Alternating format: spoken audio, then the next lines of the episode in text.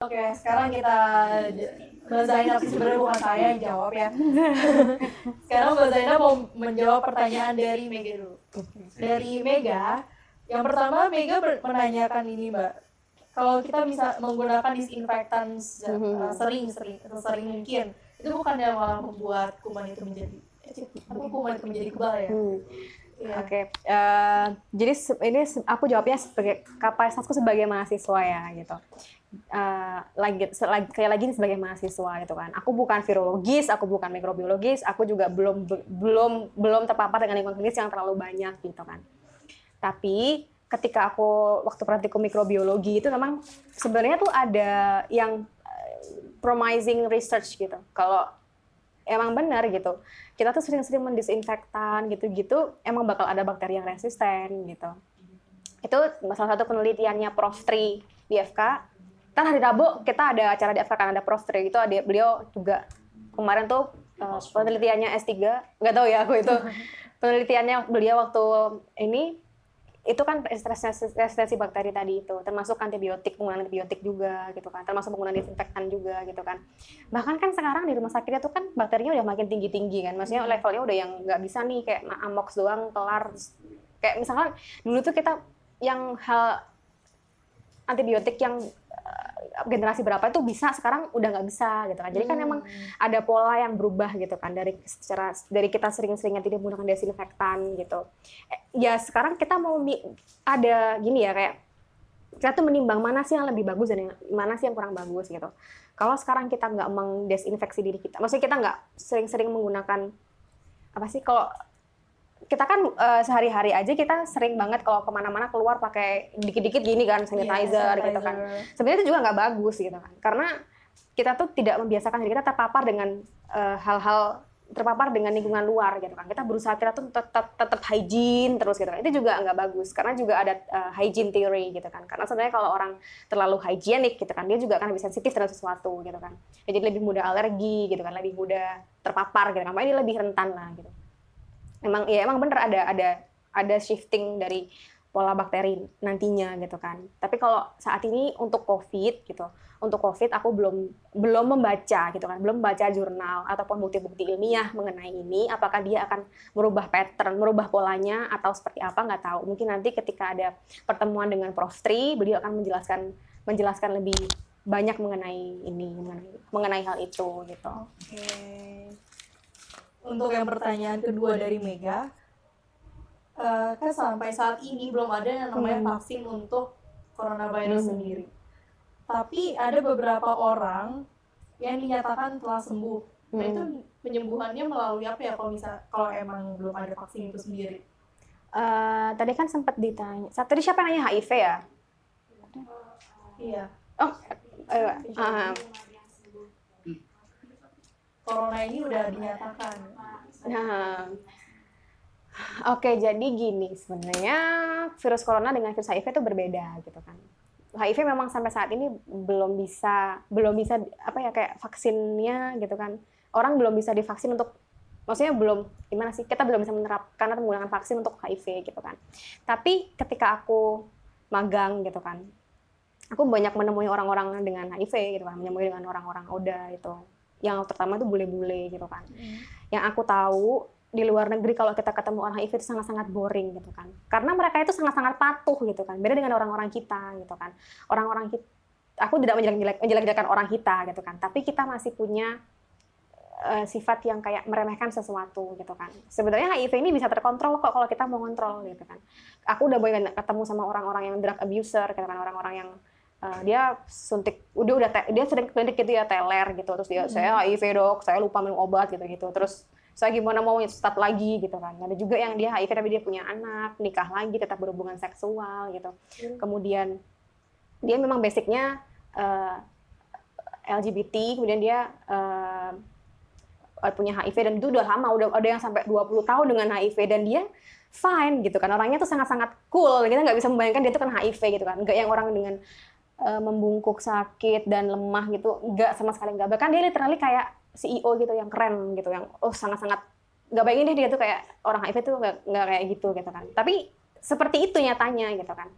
Jadi pelajarannya adalah gitu kita tuh sebenarnya belum bisa care terhadap diri kita gitu. Belum bisa paham kalau oh ini tuh bisa disembuhkan. Karena kita tidak menyerahkan semua itu pada riset pada data gitu kan pada data dan pada ahli dan juga pada dokter gitu kan kalau kita mau um, HIV mau apa ya mau bikin HIV itu nggak bergejala itu possible gitu kan. Sampai dia bisa bikin punya anak bakal di treatment sampai dicek gitu kan dicek lagi kira-kira dia bisa nggak uh, regimen eh, dia minum obatnya itu udah udah bener nggak itu kan. Terus kira-kira dia mampu nggak punya anak terlepas dia minum obat gitu kan. Itu nanti akan ada ininya akan ada cek ulangnya gitu.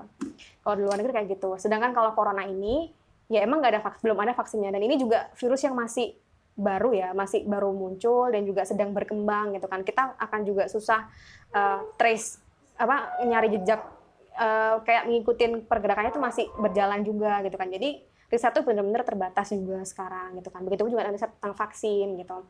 Sejauh ini dari dokter-dokter yang sempat uh, mengajar aku kemarin itu mengatakan bahwa terapinya tuh suportif gitu. Suportif manajemen itu artinya kita merawat apa yang kita temukan gitu kan. Kalau orang yang sesek dikasih oksigen gitu kan. Kalau orang yang shock kita harus kasih resusitasi cairan gitu kan, penggantian cairan. Kalau dia kelihatannya kurang gizi, dia dikasih nutris, nutrition uh, apa kayak menambah menambah nutrisinya gitu gitu. Terus kalau dia ditemukan panas dia dikasih parastamol kayak gitu-gitu gitu.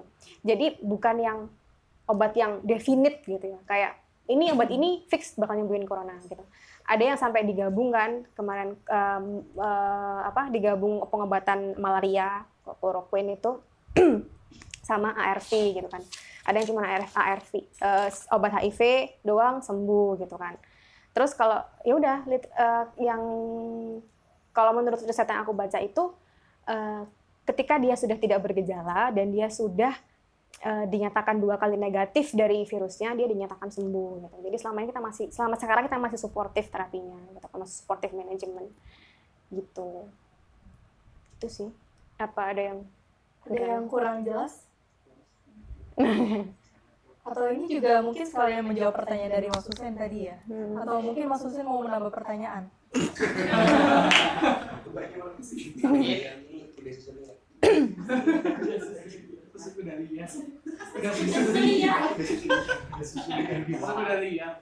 mungkin uh, apa namanya sekedar uh, ini aja. Kalau kan tadi virus corona jadi uh, akibat kayak dari kelelawar kayak mm -hmm. dan itu terjadi uh, 2020 mm. kalau dulu aku sih memang pernah konsumsi makan lah. Mm. ular mm. kelelawar wow wow wow wow wow, wow. apa nih musang terus mm. semakin luar cuman kayak buat obat aja mm apa ya itu yang masih hmm. dipertanyakan dan mungkin ada faktor hmm. Oke, okay. jadi sebenarnya semuanya pertanyaannya sangat-sangat bagus dan kayak ini tough question sih menurut aku gitu. Uh, ya tadi aku bilang sih soalnya eyangku juga bilang aku dulu juga pernah makan kelelawar gitu kan. Tapi aku nggak apa-apa katanya katanya eyangku. Dibuat obat asma gitu kan. Kita kan makan banyak banget ya kayak cacing obat tipes katanya gitu kan. Terus toke obat asma apa obat apa pokoknya aneh-aneh lah gitu kan. Kita menemukan hal itu kayak nggak cuma di Cina aja gitu kan. Jadi aku nggak tahu kenapa. Tapi terlepas dari itu itu bukan kapasitas aku untuk menjawab dari segi politik lah atau konspirasi teori walaupun aku tahu ya gitu kan walaupun aku juga membaca gitu. Uh, tapi memang benar gitu kan. Kalau ini tuh ditemukan di uh, kelelawar terus dia nanti akan pindah gitu kan. Dia menem harus menemukan uh, perantaranya gitu. Kayak tadi aku bilang tuh kayak semacam luak itu ya si palm civets itu gitu. Dan itu juga jadi pertanyaan juga buat aku gitu loh. Kenapa sih kok tahun 2020 kenapa dari kemarin dari kemarin-kemarin kan gitu kan Terus kenapa di Cina gitu kan? Kenapa di Wuhan juga gitu kan? Dia kan yang punya lab yang bagus di situ gitu kan. Kenapa kok nggak di somewhere in the Europe gitu atau somewhere in the US yang yes. lebih fancy dibandingkan nggak tahu pokoknya ya I don't know gitu. Tapi ya itulah uh, misteri yang kita nggak tahu juga, aku juga nggak tahu. Dan tugas aku cuma menyampaikan dari segi medisnya gimana gitu kan dari jurnal medis juga bukan dari jurnal politik atau bukan dari jurnal ekonomi bisnis dan lain-lain gitu kan tapi walaupun aku juga aku sendiri juga bertanya-tanya kenapa kayak gitu gitu kan kenapa kok nggak dari kemarin-kemarin aja kok kemarin malah kayaknya SARS bukan COVID gitu loh Oke. Udah bisa dipahami maksudnya? Oke, lanjut ke pertanyaan dari Jati. Orang tidak bergejala bisa membawa virus itu juga ke orang yang imun compromise. Nah, itu sampai kapan uh, orang yang tidak bergejala itu dapat diobati? Eh, dapat sadar sa- sehingga dia diobati. Daripada Oke. dia malah apa namanya? menyebarkan itu ke orang-orang lain. Hmm. Ini juga pertanyaannya agak susah dan aku agak bingung sih jawab ini gitu. Eh, sebenarnya pertama kita kan di sini di Indonesia juga kan eh, aduh pegang hidung lagi. Eh, kayak santai santai. Kayak banyak stigma gitu kan. Kita kayak eh, sering menakut-nakutin. Eh, kayak nakut-nakutin misalkan "Ih, ntar kamu kena corona itu kan diisolasi gini-gini. Jadinya orang tuh kayak malas gitu loh kayak ntar aku diisolasi di rumah sakit dong. Kemarin ada yang kabur nggak sih or? Ada. ya kan gitu kan. Itu kan juga karena kita yang julid nggak sih tiba-tiba dicari tahu rumahnya lah. Jangan ya guys jangan. Itu sangat-sangat merugikan gitu rumahnya di mana identitasnya apa gitu gitu itu budaya kita yang nggak baik gitu termasuk budaya jurnalisme kita yang juga kadang agak misleading. Iya gitu kan. Eh itu kayak makanya kenapa kalau orang itu distigmatisasi gitu kan. Terus orang itu juga sering dibilang-bilang, "Hah, dia kan korban corona gitu kan. Dia kan corona gitu kan." Terus eh, orang itu jadi malu untuk periksa gitu kan. Makanya jangan sampai menstigmakan gitu. Jadi orang tuh harus willingly and voluntarily eh, ngetes dirinya gitu kan. Datang saya habis pergi ke sini kemarin gitu kan. Saya habis kontak dengan orang ini kemarin. Saya periksa gitu kan. Saya biar tahu saya kena coronavirus atau enggak gitu. Hmm, kalau yang tadi dibilang apa? Kayak sampai dia tahu apa Iya, aku sampai dia tahu akhirnya dia diobati, mendapatkan pengobatan. Waduh itu kok agak ambigu ya, aku bingung juga. Em, setahu yang aku pak, sejauh yang aku paham sih, pokoknya setelah ya itu tadi kalau itulah kelemahannya gitu loh. Kita tuh nggak tahu orang itu sakit atau enggak gitu. Jadinya mm, harus bisa menjaga diri gitu kan. Kalaupun kita udah tahu ada gejala-gejala, kan sekarang juga lagi musim flu ya gitu kan. Sekarang lagi juga lagi musim lagi lagi nggak bagus juga, lagi hujan gitu. Eh, terus orang juga suka makannya lagi sembarangan kan pagi panas sore hujan gitu-gitu Hmm. jadi orang tuh kayak panas terus dia makan makannya nggak ini ke- keatur gitu itu juga sih jadi pertanyaan juga kemarin gitu kan dari Bu Menkes juga. Eh bukan ding bukan Bu Menkes sorry. Kayak ada di beberapa media itu yang bingung gitu. Yang mengungkapkan eh, kok bisa ini kalau misalkan dia nggak bergejala terus dia ketahuan terus dia apa gitu kayak kayak gitu juga. Aku juga nggak tahu gitu aku juga belum tahu. Kayak sampai kapan maksudnya sampai dia aku bingung pertanyaan sampai kapan dia uh, sa- sampai kapan dia sadar akhirnya dia memilih untuk mendapatkan apa Oh namanya? gitu. Bisa Oh. jadi karena kita punya imun tubuh kita yang baik, kita tuh bakalan virusnya tuh nggak akan ngefek apa apa ke kita. Jadi kita bisa ngelawan virus itu gitu loh. Jadi kita nggak tahu kita sakit apa enggak gitu kan. Makanya kan sempat kemarin ada yang bingung-bingung, jangan sombong ya habis pergi pergi terus kamu nggak cek gitu kan. Kamu tuh bisa bawa virus gitu kan, tapi kamu nggak tahu aja udah bawa virus atau enggak gitu. Makanya ya kalau misalkan ya pokoknya tuh sih berusaha untuk terbuka gitu kan. Eh, terbuka terhadap apa yang kita alami gitu kan. Termasuk ke dokter gitu kan. Kan dokter tuh bukan eh, peramal ya gitu kan. Kita kan mendengar cerita kita eh, ini riwayatnya gimana gimana gimana kita ngeresum kita cari tahu oh ini kemungkinan ini A B atau C gitu. Kalau orang itu semakin ditekan dengan kondisi tertekan seperti sekarang orang jadi malas cerita jadi nggak dia nggak bakal terbuka dengan siapa pun gitu kan. Padahal ketika kondisi seperti ini ketika kondisi yang kita harus isolating ourselves harus eh, berusaha untuk pergi ke, menghindari pergi ke mana-mana jauh-jauh kita tuh harus stay in kontak dengan orang terdekat kita gitu kan. At least ngomong ke orang lain kalau aku tuh merasakan ada yang nggak beres gitu. Ya, ngomong baik-baik lah kayak gitu. Itu terus ya udah terus kita jangan malu untuk minta pertolongan gitu. Makanya itu sih kayak jangan jangan malu mengakui kalau kita ini juga punya kelemahan gitu. Kita punya kekurangan kita harus terbuka sama orang lain terutama pada dokter dan tenaga medis yang lain gitu kan. In case kita belum ditolong kan kita bisa cepat ketolong gitu. Biar juga nggak merugikan yang lain gitu. Itu sih. Oke, mungkin ada pertanyaan lain dibuka sesi pertanyaan kedua. Boleh Mas Om. sebenarnya jadi ada beberapa artikel yang udah aku baca ya. Pertama The Washington Post itu yang cukup rigid dia menuliskan bahwa ada contoh kasus yang di Italia itu kenapa bisa nyebar ke seluruh Italia itu? Karena beberapa orang yang dia merasa ah dia nggak merasa terkena COVID itu udah pulang ke masing-masing tempat. benar benar benar. Sisi timur terus timur utara sampai semuanya menyebar dan salah satu apa ya yang yang menjadi perhatian dari uh, Dewas 90 itu ternyata orang-orang yang yang mati yang kena COVID-19. Itu orang-orang yang di atas 50 tahun dan orang-orang yang justru memiliki ekonomi indeks ekonomi di atas. Jadi orang-orang yang intensif pergi keluar atau uh, berinteraksi dengan dengan yang lain. Jadi gimana sih cara kita? Misalkan kita di lockdown semua kan? Hmm. BM semuanya di lockdown apakah kita boleh pulang ke rumah? Atau kita tuh apa ya mengisol, meng- mengisolasikan diri dulu sebelum kita pulang ke rumah karena kita juga bingung kalau kita di sini otomatis kita kan juga rentan kan sebenarnya. Kalau kita pulang otomatis keluarga kita juga rentan. Jadi kita di antara apa ya di tengah-tengah jembatan dan jembatan tuh nggak ada ujungnya. Kita mau ke mana gitu. Oke terima kasih Mas Wafi. Eh, ada yang ingin menanyakan lebih lanjut?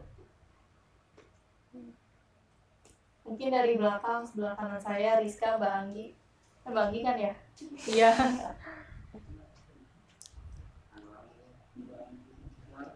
Pak Anwar. Oke. Oke. Aku hitung mundur ya. Tiga, dua, satu. Oke. oke Jadi tadi Ma- Mas Sofi menanyakan misalkan contoh kasusnya di Itali. Jadi banyak orang yang nggak ngerasa kalau dia itu terken- eh, terinfeksi dari COVID-19 ini. Lalu mereka pada pulang ke rumahnya masing-masing, ada dari sisi timur, barat, pokoknya pada pulang kampung lah ya istilahnya.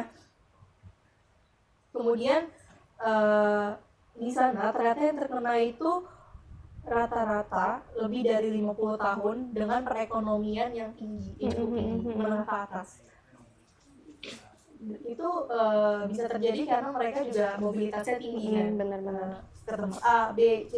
Nah saat ini kita juga sedang istilahnya diliburkan untuk mengurangi dampak dari mengurangi penyebaran dari COVID-19 ini. Nah, karena jangka waktunya ini lumayan panjang, bahkan ada yang sampai enam bulan, ini lebih baik kita self isolate diri sendiri di sini atau kita pulang kampung aja sebagai mahasiswa. Hmm, oke aku bukan rektor guys Kalau dari kacamata kesehatan gimana? Eh, ini ya menurut pengalaman aku ya yang kemarin aku pergi-pergi itu keluar gitu emang ada eh, kesan bahwa sedikit mengabaikan sedikit menganggap remeh gitu karena harusnya ketika negara lain udah ada wabah sorry ada kejadian koro kejadian covid gitu harusnya tuh bandara tuh udah mulai aware gitu harus udah mulai mempersiapkan termasuk sejak awal harusnya dari pintu pertama udah dicek gitu kalau Hmm. orang ini tuh kira-kira sakit enggak gitu kan. Apalagi kemarin aku pergi kan kayak los-los aja gitu kan udah boleh masuk masuk gitu. Itu juga nah itu kayak gitu. Terus kemarin juga di Iran eh, aku kan juga dapat telepon dari teman aku gitu kan. Jadi kayak aku tuh pergi ke Iran tuh kayak lima hari setelah pembunuhan Qasim Sulaimani pulang dua minggu setelahnya ada corona mati itu kan di telepon Zainab gitu kan. Ada dua orang mati di kom gitu kan. Terus orangnya usia 60 tahun gitu kan. Batu-batu terus mati gitu kan aku bilang. Oh gitu kan. The game is on. Aku bilang kayak bahkan ada banyak kasus yang keluar habis ini gitu kan. Terus mereka kayak bilang ya udah gitu kan terus habis dari kom di Teheran nih ada gitu kan. Karena di- mereka waktu itu nggak melockdown kom gitu kan. Jadi eh, kom nggak di lockdown banyak yang muncul di kom. Di kom itu kan kayak di sini tuh kayak wali songo gitu ya. Kayak wali songo kayak wali kayak wali songonya di sana gitu kan. Mereka ya ada bilangnya kayak pilgrimage gitu. Kayak ziarah lah Iya. istilahnya gitu kan jadi banyak orang yang berkumpul yang berdoa lah. Dan itu dari mana-mana dari Pakistan dari Afrika nggak dari Iran aja dari dari semuanya gitu. Ada juga jurnalis ke sana gitu kan ada orang bule-bule juga di sana gitu kan. Jadi dan itu sangat-sangat terbuka gitu. Dan mereka nggak melockdown itu karena itu tempat suci gitu. Tempat orang berdoa. Kan masa orang berdoa dilarang ya kan? Tapi ya gimana dong gitu. Terus sudah habis dari kom kan dia ke Teheran. Teheran juga waktu itu temanku bilang, oh, ada orang mati dekat rumahku gitu, kayak panik gitu, ada orang mati. Nah udah habis dari teh, eh, si Iran ini udah banyak kan terus juga oh banyak dikirimin foto-foto saudara-saudara temanku yang uh, jadi perawat jadi dokter lagi pada melawan melawan corona. Dan kita harus bersyukur kita tuh kita nggak mengalami sanksi seperti Iran gitu kan. Kita tidak disanksi Amerika kita tidak mengalami konflik seperti mereka gitu kan. Yang pada waktu itu mereka sempat mengeluhkan kalau mereka kekurangan masker gitu kan mereka kekurangan uh, peralatan gitu kan. Pokoknya istilahnya mereka lagi krisis gitu sehingga WHO akan ngirim ngirim banyak ngirim uh, peralatan dan juga ngirim masker gitu-gitu ke Iran gitu kan. Uh, yes generally ketik uh, tanpa tanpa covid pun mereka juga udah agak sedikit tertekan dengan kondisi mereka sekarang gitu kan. Apalagi ditambah dengan covid gitu kan. Jadi kan kita harus bersyukur kita nggak kayak gitu gitu kan. Uh, setelah itu yang aku tahu sih mereka memang waktu itu belum lockdown dari turis-turis gitu kan. Hmm. aku juga makanya aku juga sempat minta maaf sama mereka I'm sorry gitu kan. Kalau misalnya aku ternyata membuat virus itu aku aku sorry ya aku nggak tahu apa apa gitu kan tapi yang jelas aku nggak bergejala apa pun gitu mereka bahkan banyak banget terutama virus turis yang Cina, uh, Hong Kong, kemudian Rusia itu yang ke pergi ke Persia kan, Iran, hmm. Persia. Karena banyak karena di sana kan kaya budayanya. Jadi orang tuh banyak pergi ke sana gitu kan. Terus setelah dari uh, Iran udah naik naik naik naik naik udah kena semua nih orang-orangnya terus eh enggak semua tapi banyak yang kena gitu. Yang kena. Terus ganti nih di Italia lagi nambah nambah nambah gitu. Uh, terus habis itu di berita di US jadi juga makin banyak gitu. Ya tadi tuh ada faktor tadi tuh winter itu ya gitu kan ada hmm. dia juga lagi winter dan juga uh, orang juga lagi agak malas untuk bersih bersih dirinya sendiri gitu. Uh, terus juga kadang dia nggak dia lagi dia ini imunnya bagus gitu kan terus dia bawa virus itu dari mana-mana gitu. Dia masih dia masih belum menunjukkan gejala nih dia udah kena mungkin sama belum menunjukkan gejala. Terus dia tuh pulang ke negaranya gitu kan. Nah dia ternyata pas pas setelah diinkubasi setelah diisolasi sendiri tiba-tiba dia positif gitu kan. Dia itu kan selama itu dia udah ada gitu loh udah. Jadi orang itu udah ke mana-mana selama itu dan orang pas udah ya mungkin menularkan gitu kan. Tapi nggak tahu yang jelas itu itu juga masih masih kita masih kurang riset gitu loh soal itu. Kita masih butuh banyak riset soal itu. Kita juga masih butuh banyak uh, diskusi dengan para ahli juga untuk melaporkan kasus seperti itu di website terkait kayak CDC di WHO kayak gitu-gitu. Uh, kalau antisipasi sekarang di Indonesia kan kita di kita sekarang sudah di lockdown ya. Kita sekarang posisinya kita diliburin lah gitu kan. Ya itu bukan sesuatu yang horor tapi uh, ya emang harusnya emang kayak gitu gitu kan ya bukan dari aku sih yang bilang tapi uh, lebih baik seperti lebih itu baik, gitu kan. itu. lebih baik seperti itu. Nah, kita harus uh, usahakan tidak menghindari keramaian gitu kan tempat-tempat ramai gitu. Terus kegiatan yang apa sih arisan-arisan nggak penting itu sebenarnya di, dihindari dulu gitu kan. Depending atau ganti arisan online atau gimana gitu kan. Diganti, diganti online. gitu kan.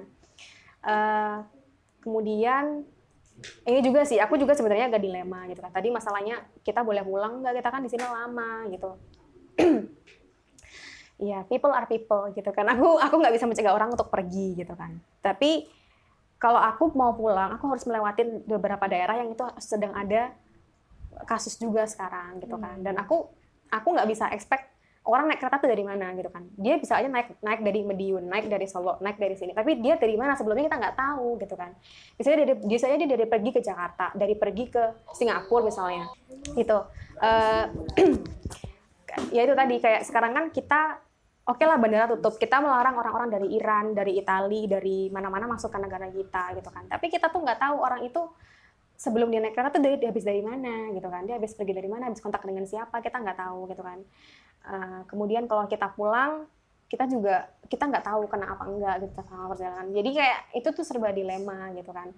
Kalau aku sekarang aku memilih untuk stay dulu gitu kan. Sekarang aku stay dulu di sini dan mengurangi banyak keluar keluar tadi itu gitu kan. Tapi kan kita anak kos ya kita kan harus keluar keluar untuk beli makan mm -hmm. uh, untuk belanja gitulah yeah. uh, tapi uh, ya tadi tuh stay safe sih. Kalau kalau memang butuh pakai masker pakai masker. Sekarang masker harus pakai KTP ya kalau beli. Oh, satu, iya? ah, ya pakai KTP satu. Terus itu tadi jangan harus ingat orang lain yang lebih membutuhkan dibanding kita. Kalau emang orangnya butuh ya kita harus bisa sharing gitu ke orang lain gitu kan.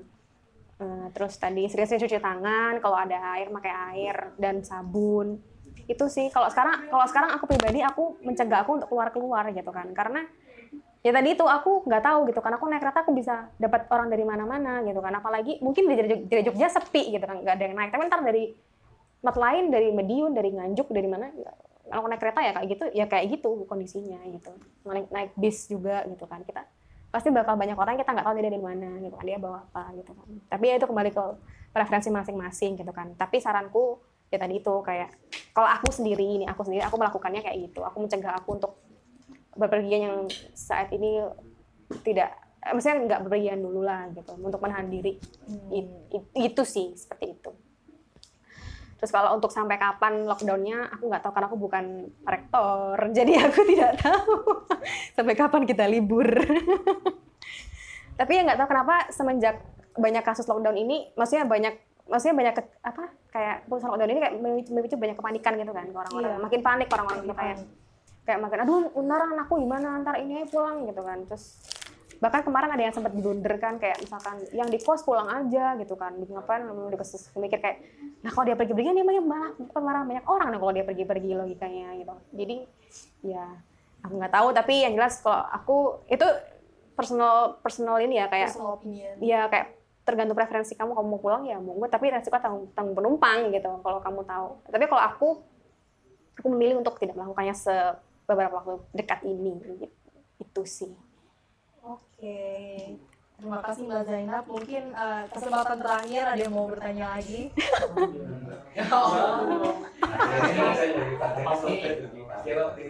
Singkat-singkatnya. oke. Eh, bisa nggak sih? Bukan bisa apa ya? Bener nggak sih kalau corona ini bisa dibunuh dalam artian kalau kita minum alkohol Saat panas. Hmm, Oke. oke bagus. itu bagus. jadi ini aku juga udah baca ya sebenarnya untungnya aku udah baca jadi bisa jawab Alhamdulillah. Alhamdulillah guys, aku mendapat wangsit gitu. Jadi eh, walaupun walaupun kita minum alkohol gitu kan, aku nggak pernah minum alkohol, jadi aku nggak tahu ya kalau seberapa berapa kadar alkohol di masing-masing minuman. Tapi yang aku tahu vodka itu kan 40% alkohol gitu kan. Kalau dia minum vodka itu tetap tetap nggak bisa membunuh virus ini gitu kan. Jadi ya it's useless gitu. Mau kamu minum alkohol minum arak kayak gitu nggak nggak ini dan juga ada yang bilang kan sering eh, kumur kum- atau sering minum air panas biar virusnya mati gitu kan tubuh kita tuh punya mekanisme yang sangat luar biasa ya gitu kan. Kita minum air dingin air panas air anget gitu kan. Air asin nggak asin atau apa gitu ya. Kita punya mekanisme untuk men- menormalkan dengan tubuh kita gitu maksudnya dibikin cocok dengan kondisi tubuh dalam tubuh kita sehingga kita bisa beradaptasi dengan itu gitu. Jadi ya it's useless gitu. minum alkohol nggak nggak pengaruh bahkan itu malah kalau berlebihan malah bisa bikin rugi kita juga gitu kan malah bikin karena alkohol tuh tingkatnya pengaruhnya kan tingkat seluler ya jadi nggak cuman bisa mabok doang tapi dia bisa tingkat seluler juga rusaknya gitu jadi bisa juga pengaruh ke imun gitu gitu Jadi ketahanan ketahanan tubuh Oke. Satu lagi boleh? Oh iya boleh mas. Hmm.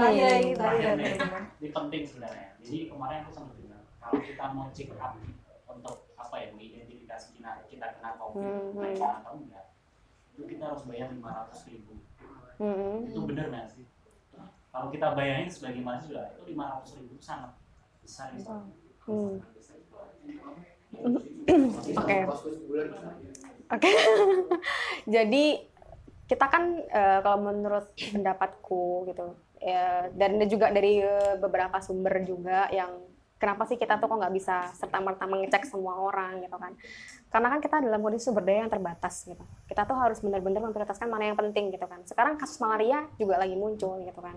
Kasus DB juga lagi muncul gitu kan. Terus mas TB masih ada masih banyak gitu kan. Kita harus save the uh, resource gitu orang-orangnya terus obatnya juga uangnya juga kita kan juga BPJS lagi itu gitu kan dan juga dari kita kan juga sebenarnya dari bantuan negara kan jadi orang yang yang dibilang kan kayak orang yang COVID-19 ini kan dia bakal di, uh, ditanggung negara biayanya gitu kan. Dan kita juga uh, ngeceknya itu terpusat gitu. Nggak bisa yang semua aja lab- laboratorium semua bisa ngecek COVID nggak kayak gitu. Harus benar-benar terpusat karena kan infeksius dan bahaya gitu. Jadi bukan maksudnya bukan ya memang nggak fatality rate-nya memang saat ini saat ini kecil gitu kan. Tapi kan itu termasuk yang perlu penanganan yang khusus gitu kan. Perlu lab yang khusus untuk itu gitu kan ya jadi sekarang sampai sekarang kalau mau ngecek itu diusahakan untuk orang yang sangat-sangat highly probable dia bakal kena covid gitu seperti itu itu sih itu lebih untuk menghemat tenaga dan sumber eh, menghemat sumber daya termasuk uang dan